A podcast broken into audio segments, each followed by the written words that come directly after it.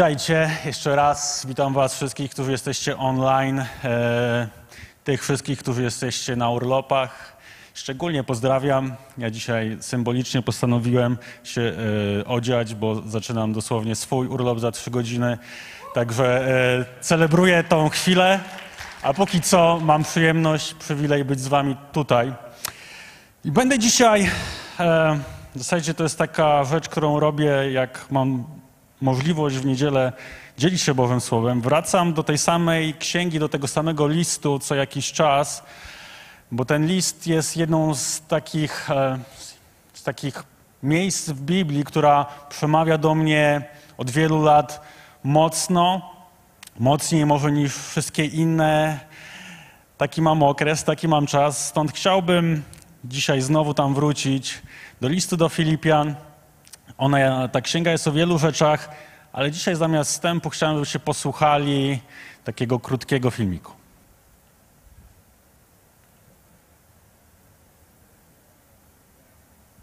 List Pawła do Filipian. Kościół w Filipi był pierwszą wspólnotą Jezusa założoną przez Pawła we wschodniej Europie, a opowieść o tym można przeczytać w XVI rozdziale dziejów apostolskich.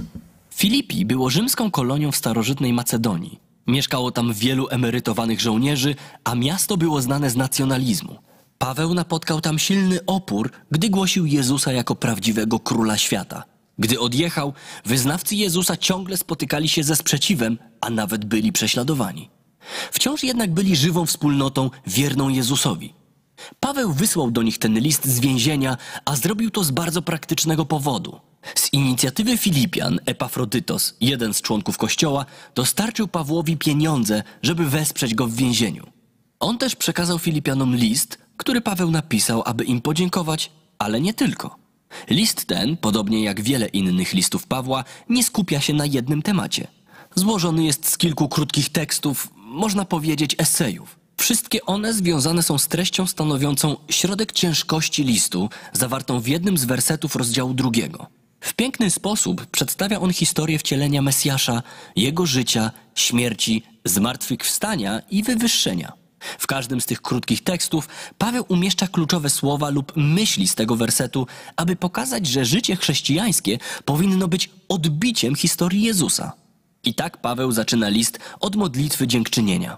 Dziękuję Bogu za hojność i wierność Filipian.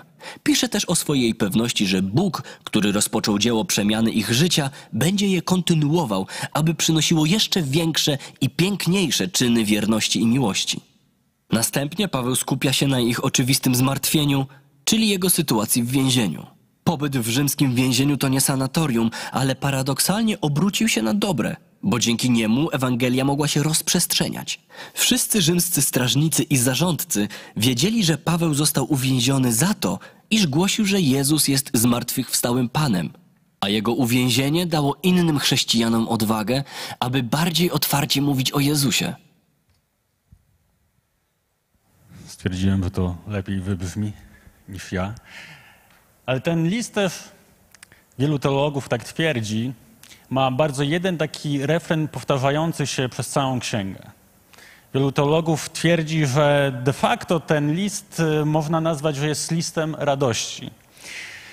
I to jest paradoks y, tego, y, całej tej księgi. Bo pomyślmy o tym, że tak jak słyszeliśmy, Paweł pisze ten list w więzieniu. Pisze ten list z miejsca, w którym nikt z nas nie chciałby się znaleźć, za to, że po prostu publicznie opowiada o Chrystusie. I co chwilę, kiedy się ten list studiuje bardzo rzetelnie, okazuje się, że Paweł cały czas jak refren powtarza, że mimo wszystko jest coś, co powinno nas charakteryzować jako ludzi wierzących. Ten list jest bardzo współczesny. Zawiera, tak jak było, słyszeliśmy, mnóstwo wątków. Oto jest duża wspólnota w dużym mieście, w mieście, w którym ludzie e, troszkę jak dzisiaj walczą z podobnymi rzeczami. Pewne problemy się nigdy nie zmieniają. Filipi zmagali się z nacjonalizmem, z prześladowaniem, z różnego rodzaju życiem, powiedzmy, dalekim od jakichkolwiek standardów moralnych. I Paweł to wiedział. To nic innego jak dzisiaj czasy niby się zmieniają, ale pewne problemy są bardzo podobne. Żyjemy w czasach, gdzie tych problemów mamy wciąż e, sporo. Czasami się pojawiają jakieś nowe, jak nie e, pandemia, to wojna. Jak nie wojna, to się okazuje, że dzisiaj mamy największy współczynnik ludzi zmagających się z depresją w historii. Są rzeczy, które są wspólne, są rzeczy nowe. Co chwilę coś się dzieje, pojawia, rzeczywistość w pewien sposób płynie. I Paweł w tym wszystkim co chwilę, zdając sobie sprawę z tej różnorodności też i ludzi, powtarza jak refren, że jest coś, co jest źródłem, które, z którego możemy czerpać i zupełnie inaczej funkcjonować.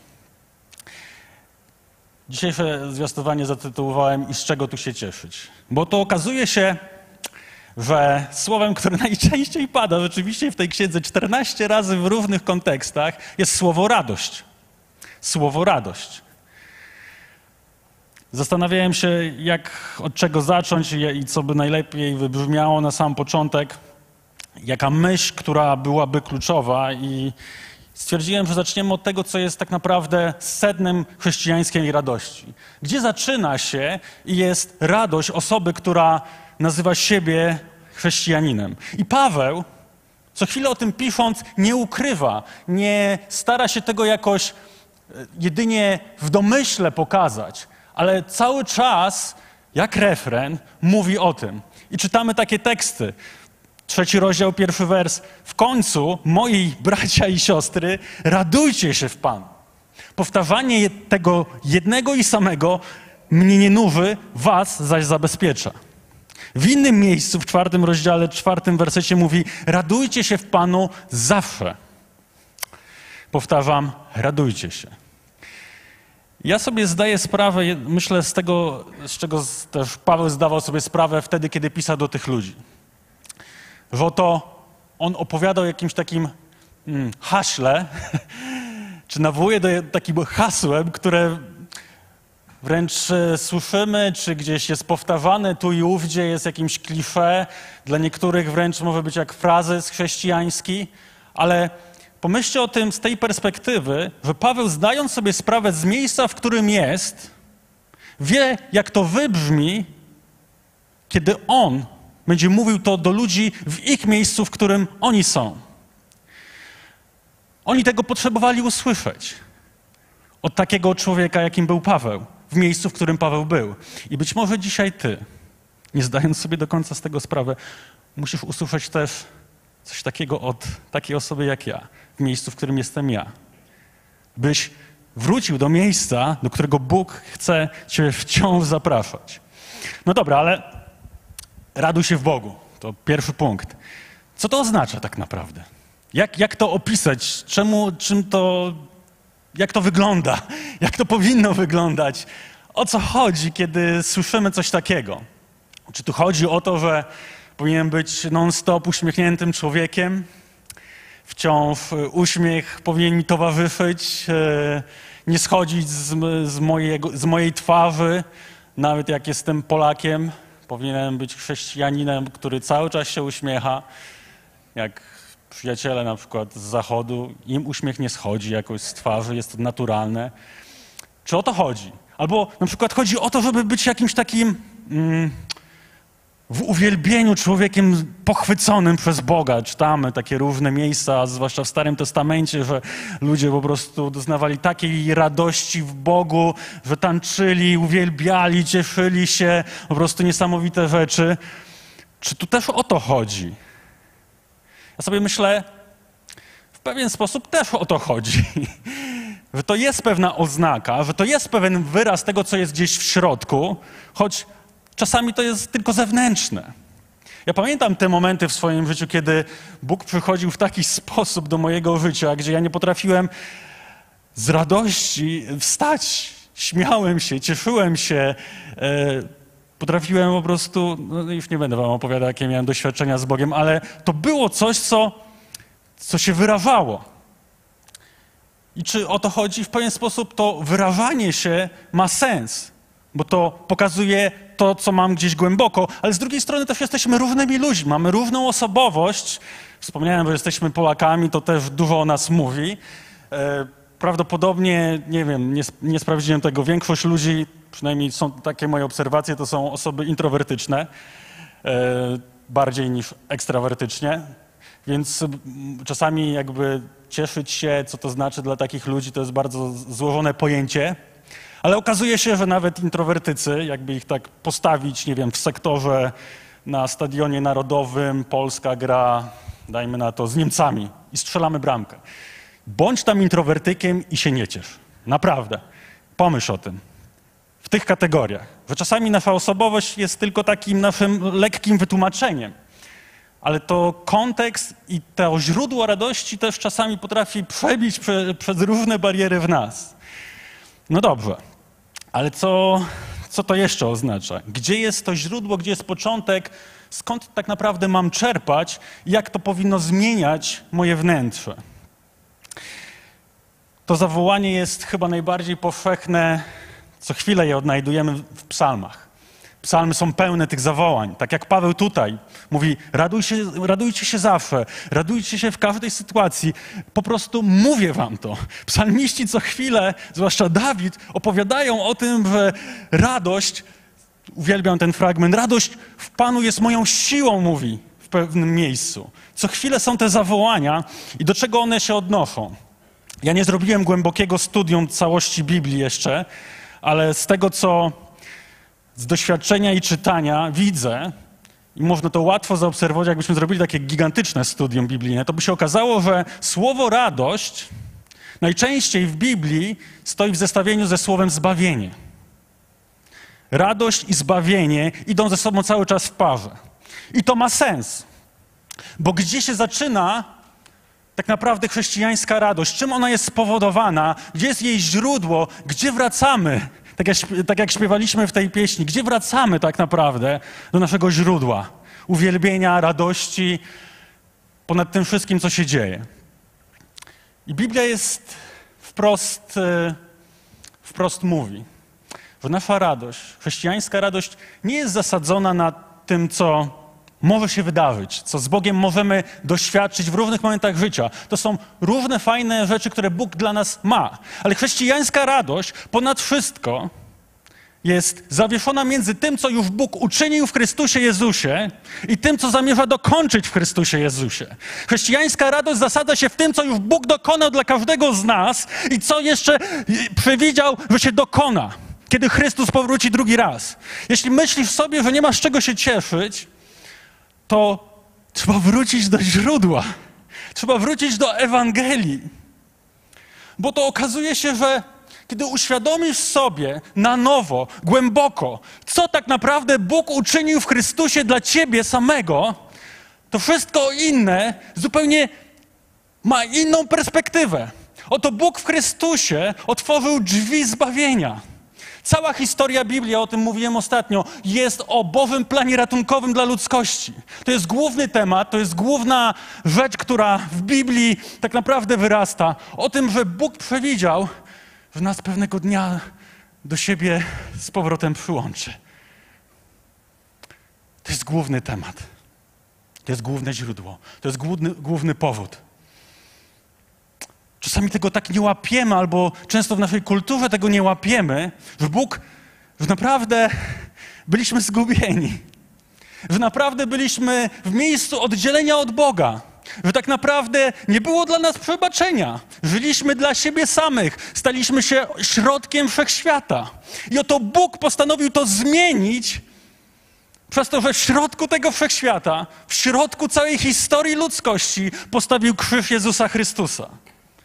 I tam jest początek radości. Bo to Bóg rozprawił się z Twoim, moim największym problemem. Dzisiaj mamy wiele trudności. Filipianie mieli trudności, Ty masz trudności, ja mam trudności, świat ma trudności. Żyjemy w bardzo skomplikowanych e, czasach wciąż.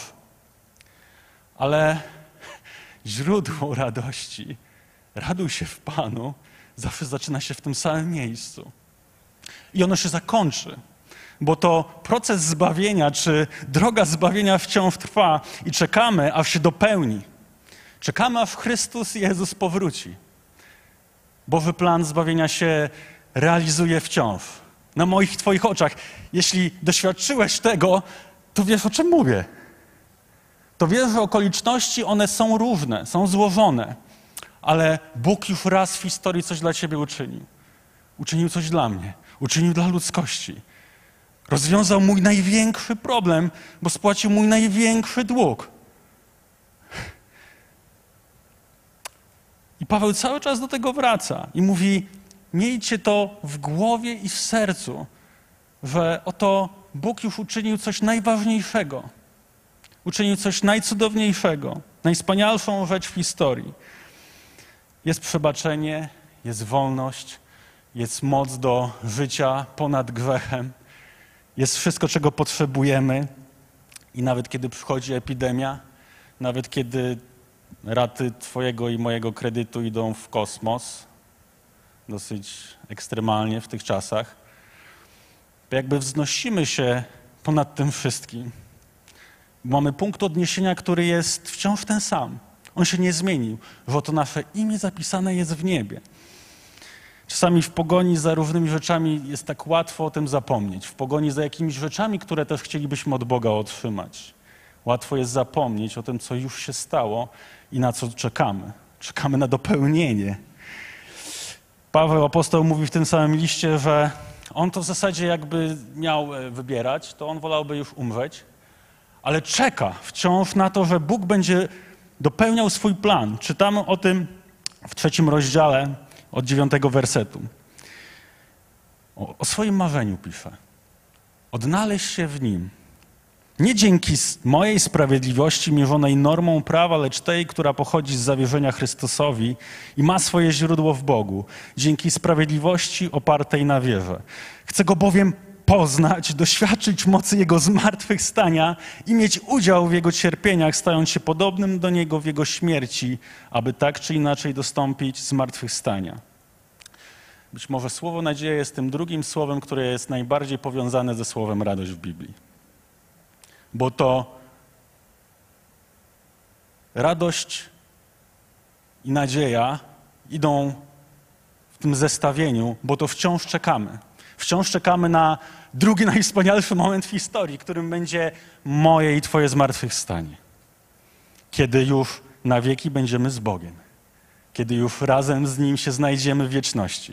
Czekamy na, na ten moment i Paweł w zasadzie jakby miał wybierać, on już by tam chciał być żeby być w tym dokończonym planie dla każdego człowieka, gdzie to ta pełnia zbawienia, pełnia radości, to się wszystko złączy w całość.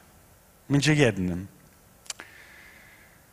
Więc e, co to znaczy się cieszyć, radować w Bogu? Szukałem jakiegoś mądrego cytatu u mądrych ludzi, ale jakiś żaden cytat mi nie podpasował. Więc zakończę taką myślą, że być może w czasach, kiedy naprawdę jest dużo niepewności, gdzie wiele rzeczy się dzieje, gdzie wiele rzeczy nie jesteśmy w stanie zaplanować, gdzie ludzie odchodzą, gdzie dzieją się rzeczy, nad którymi nie, za, nie zapanujemy, choćbyśmy chcieli powstrzymać inflację całym sercem.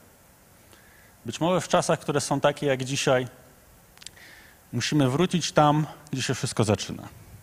Wrócić na nowo do tego miejsca, w którym Bóg okazał swoją miłość, swoją przychylność, gdzie uczynił coś najważniejszego, coś, co jest fundamentem chrześcijaństwa i nim zawsze będzie. Wieść o Chrystusie Jezusie, który w moje i Twoje miejsce oddał swoje życie i uczynił mnie Bożym dzieckiem. Przeniósł mnie z ciemności do światłości. Dał mi prawo nazywać się synem i córką. Oto jestem oczyszczony, oto jest przebaczenie, oto jest wolność, oto jest spokój między mną a nim, oto jest wszystko dokończone, oto moje imię jest zapisane w niebie, oto żyję naprawdę. I czekam, kiedy Chrystus powróci na tą wisienkę na torcie mojego życia. I tam jest moja radość. Ona się już dokonała i ja mogę co chwilę tam wracać. Bo Chrystus uczynił wszystko. Ta myśl musi nas przenikać. Bo czasami pewne rzeczy mogą się nie wydarzyć. Pokażę wam jedno miejsce, albo mogą się wydarzyć. Pokażę wam jedno miejsce, gdzie Pan Jezus dokładnie o tym samym mówi. Posłuchajcie, Ewangelia Łukasza. Jest taki moment w Ewangeliach, kiedy uczniowie doświadczają czegoś, co każdy z nas by chciał doświadczać. Jezus ich wypuszcza na robotę, oni tam doświadczają po prostu cudów. Demony wychodzą, ludzie są uzdrawiani, wszystko się cudownie dzieje, jest pięknie, jest lepiej niż mogli sobie wymarzyć. Spełniają się te wszystkie rzeczy, gdzie im nawet wyobraźnia nie pozwalała ich sobie wyobrazić wcześniej, w których chcielibyśmy wszyscy funkcjonować. I oto co się dzieje. I to mnie sprowadza właśnie do tej myśli, żebyśmy mogli wracać tam, gdzie jest początek naprawdę, gdzie jest źródło. Oni wracają podekscytowani. Jezus im mówi: Nie cieszcie się z tego, że demony wam są podległe. Cieszcie się raczej z tego, dziesiąty rozdział Łukasza, dwudziesty werset, że wasze imię jest zapisane w niebie. Po prostu gasi ich. gasi ich. Bo chce, żeby ich oczy miały, żeby widziały to, co, co jest pierwsze. Czasami, wiecie, ja to widzę, jestem w kościele od wielu lat. widzę, jak pogoń za wieloma rzeczami i zajęcie się wieloma rzeczami, które są istotne, potrafi nam zasłonić pewien obraz tego, że nasze imię już jest zapisane w niebie i nasze źródło radości jest wciąż niezmienne i wciąż takie same. I to jest bardzo ustawiające nas do takiego prawidłowego myślenia. Raczej cieszcie się z tego, że wasze imiona są zapisane w niebie. Że już jesteście ze mną. Z tego się cieszcie. Może jakiś to dyskomfort w tobie wzbudza, ale to pozwala wrócić i odkryć być może Ewangelię na nowo. Ewangelię, która się nie zmieniła. Przesłanie o o Bogu, który wyraził swoją miłość w najdoskonalszy sposób i on nic już nie musi zrobić. Naprawdę. On coś zrobi jeszcze, ale on już nic nie musi, bo on już wszystko zrobił. Druga myśl jest taka. Apostoł Paweł o tym często mówi w tym liście. Radujcie się z innych. Druga myśl. Radować się z innych. Jest mnóstwo fragmentów Pierwszy rozdział, czwarty werset mówi tak. Zawsze, gdy z radością się o was wszystkich modlę. Albo drugi rozdział, 28 wers. Niech was ucieszy jego widok, a mnie niech ubędzie nieco smutku. Przyjmijcie go zatem w Panu z wielką radością. Tu mówi o jednym ze swoich przyjaciół i towarzyszy. W czwartym rozdziale czytamy na początku. Bracia moi i siostry ukochani, moja tęsknoto, radości, korono, tak właśnie trwajcie w Panu. A zaraz w dziesiątym wersecie mówi tak: Niezmiernie ucieszyłem się w Panu, że znów o mnie pomyśleliście. Cieszyć się z innych, radować się z innych. Znam siebie. Znam część z Was. Jak wspomniałem, jestem w kościele od jakiegoś czasu już.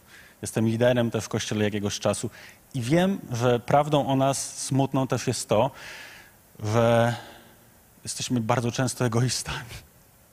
Inaczej powiem, wszyscy jesteśmy egoistami. W mniejszym lub większym stopniu. I trzeba się z tym troszkę zmierzyć. Tacy jesteśmy. Ale jedną z oznak tego, że Bóg w nas ten egoizm zmienia w coś piękniejszego, jest to, że zaczynamy się cieszyć i radować z ludzi, których Bóg stawia na naszej drodze.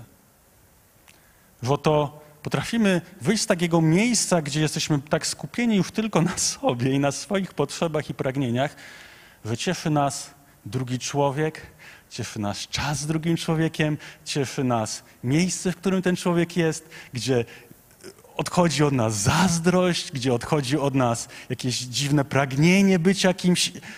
Po prostu zaczynamy się cieszyć innymi. Nie wiem, czy mieliście takie przejście w głowie, że nagle zauważyliście w sobie, że Bóg naprawdę przestaje Twoją uwagę tak bardzo skupiać na Tobie samym i nagle zaczynasz myśleć o innych ludziach. To jest niesamowity cud w ogóle, jak się dokonuje coś takiego w naszym umyśle. Więcej jest myśli o tym, a co jest u tego człowieka, co się dzieje u tej osoby, jak ona sobie radzi. To jest piękne. Wiecie, dzisiaj paradoksem jest to, że w pewien sposób jesteśmy strasznie ze sobą połączeni, teoretycznie. Tak? Ja ze wszystkimi prawie z Was jestem połączony na Facebooku. Jesteśmy w łączności stałej, teoretycznie. Mogę się porozumiewać z każdą osobą na tym świecie, jak tylko sobie zażyczę. Jestem połączony w sposób niesamowity wszystkim. A z drugiej strony okazuje się, że jesteśmy tak daleko od siebie. Przykład dzisiaj. Właśnie rano jeszcze byłem u mojej mamy na Pradze tutaj, gdzie się wychowywałem. Pamiętam, jak byłem dzieckiem, wszystkie bramy, wszystkie e, podwórka były otwarte. Jako dziecko biegałem po całej Pradze, po prostu gdzie się tylko dało. Znało się sąsiadów, znało się ludzi, po prostu wiecie, to było miejsce, gdzie się spędzało życie. Oczywiście tam to też ma swoje jakieś minusy, ale dzisiaj jak przyjeżdżam do mojej mamy, bym się dostał do mojej mamy, to muszę przejść przez tą, chyba trzy bramy, pięć domofonów, sąsiadów, to w ogóle nie wiem, co to za ludzie. Bo to okazuje się, że hmm, jesteśmy tak połączeni, a z drugiej strony nie znamy siebie. Często. Nie wiemy, z kim spędzamy życie, nie wiemy, co to za ludzie. I, I, to jest dziwne. I nawet czasami nie myślimy, że to się zmienia w tym kierunku. Ja lubię takie powiedzenie. E, ostatnio mema widziałem, on mi się bardzo podoba, bo tych relacji takich prawdziwych jest coraz mniej, się okazuje. Przyjaciół, jakby trudno jest z nimi w ogóle się umówić. Żeby się umówić z jakimiś przyjaciółmi, to trzeba przynajmniej dwa tygodnie wcześniej tam zacząć próby w ogóle ustawienia się gdzieś. Zanim się spotkamy, to dwa miesiące miną, może gdzieś tam coś. To jest skomplikowane dzisiaj. Kiedyś się szło, wychodziło, zapukałeś, cześć, spotkałeś się ze znajomym, a dzisiaj to trzeba po prostu kombinować.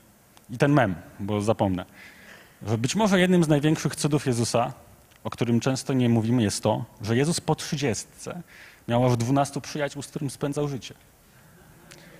Mnie to bawi. Wiecie, tak jest, że bliskich relacji często brakuje. I Kościół jest niesamowitą przestrzenią, którą Bóg zostawił, abyśmy w ten sposób funkcjonowali. Ciesząc się sobą nawzajem, spędzając czas ze sobą nawzajem, będą ze sobą nawzajem. Dlatego robimy różne inicjatywy. Nawet jak się dzisiaj witaliśmy, to po to, żeby się poznać choć z jakąkolwiek osobą. W tamtym tygodniu poszliśmy na obiad z jakąś grupą ludzi. Mamy grupy domowe, mamy mniejsze te przestrzenie, gdzie chcemy ze sobą spędzać życie. Bo wiecie, to mnie rozwaliło pewnego dnia, kiedy sobie uświadomiłem, z kim ja spędzam życie. Co to za wierzący ludzie, z którymi ja spędzam życie, idę przez życie. Ha. Przecież o to chodzi w kościele.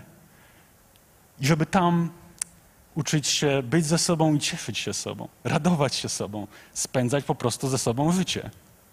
To są niesamowite rzeczy, do których czasami można dojść, i Paweł do tego zachęca. W pierwszym rozdziale mówi też takie słowa, 25 werset. Będę przy was wszystkich, byście robili postępy i czerpali radość z wiary. To też jest element tego wszystkiego, że cieszyć się, jak inni idą do przodu. Cieszyć się, jak inni zyskują, rozwijają się, jak inni rosną, jak inni są w kolejnych miejscach swojego życia. Cieszyć się nimi. Cieszyć się ich pójściem gdzieś w kolejny etap swojego życia. Apostoł Paweł żyje tym. Wiecie, ten werset uratował literalnie moje życie, bo sobie uświadomiłem w pewnym momencie, ja mam dla kogo żyć. Aby inni robili postępy, aby inni doznawali radości z wiary. Ja żyję dla innych. To jest moment objawienia. Że to żyjesz już nie dla siebie, ale żyjesz dla innych. Bóg cię zostawił. Jeśli pytasz, jaki Bóg ma plan na twoje życie, to jest bardzo dobre pytanie. Prawdopodobnie jesteś tu jeszcze na ziemi, bo są inni. Aby dać im siebie, aby cieszyć się z, tego, jak się rozwijają. Nie ma większej radości, wydaje mi się, nawet ja, jestem liderem w kościele, co myślę, mnie nic tak nie jara, nic mnie tak nie nakręca, jak widzę, że ktoś zrobił krok do przodu, podjął jakąś decyzję, coś się zadziało w kierunku Boga. Ty jako rodzic bardziej niczego nie odczuwasz większej radości i satysfakcji, jak widzisz, że twoje dziecko po prostu nagle zaczyna chodzić, później zaczyna mówić, później zaczyna rozmawiać z tobą, po prostu robi postępy, rozwija się, idzie do przodu. Cieszysz się drugą osobą. I o to chodzi. Pomnóżcie moją radość, drugi rozdział, drugi, trzeci werset, będziemy już lądować. I bądźcie jednomyślni, związani tą samą miłością, skupieni na wspólnym celu, złączeni jednym zdaniem. Myślcie nie o tym, jak się wybić kosztem jedni drugich lub zaspokoić własną próżność, ale raczej w pokorze uważajcie jedni drugich za ważniejszych od siebie. I ostatnia myśl. Raduj się, kiedy Chrystus jest głoszony. Raduj się z Boga. Z Jego zbawienia, że jesteś w tym planie. Raduj się z innych i raduj się z tego, że Chrystus jest głoszony. Patrzcie, ten, ten werset, pierwszy rozdział 18. Cieszę się, że mimo wszystko, mimo wszystko, w ten czy w inny sposób Chrystus jest głoszony. Szczerze czy nieszczerze, obłudnie, jakkolwiek. Cieszę się, kiedy Chrystus jest głoszony. Wiecie, z bardzo konkretnego powodu. Tego samego on się nie zmienił. Bo nic nie zmieni ludzkiego życia. Nie zmieni tego żaden program naprawczy żadnego rządu. Nie zmieni tego jakiś bardzo wysublimowany coaching. Nie zmieni tego to, że sobie kupisz jakiś nowy dom. Nie zmieni tego nic innego. Twojego życia. Jak Ewangelia, która dotnie i przemieni Twoje życie. I uwolni Cię z Twojego największego problemu. Moim największym i Twoim największym problemem jest, jest życie w oddzieleniu od Boga. To, co Biblia nazywa grzechem. To jest mój problem. I kiedy Ewangelia jest głoszona, kiedy Chrystus jest przedstawiany, to jest ten moment, kiedy to się wszystko może zmienić. Kiedy może przyjść wolność i przebaczenie do ludzkiego życia. Kiedy bieg ludzkiego życia może być gdzieś przekręcony i już nie trzeba tych wszystkich innych rzeczy, dobrych rzeczy.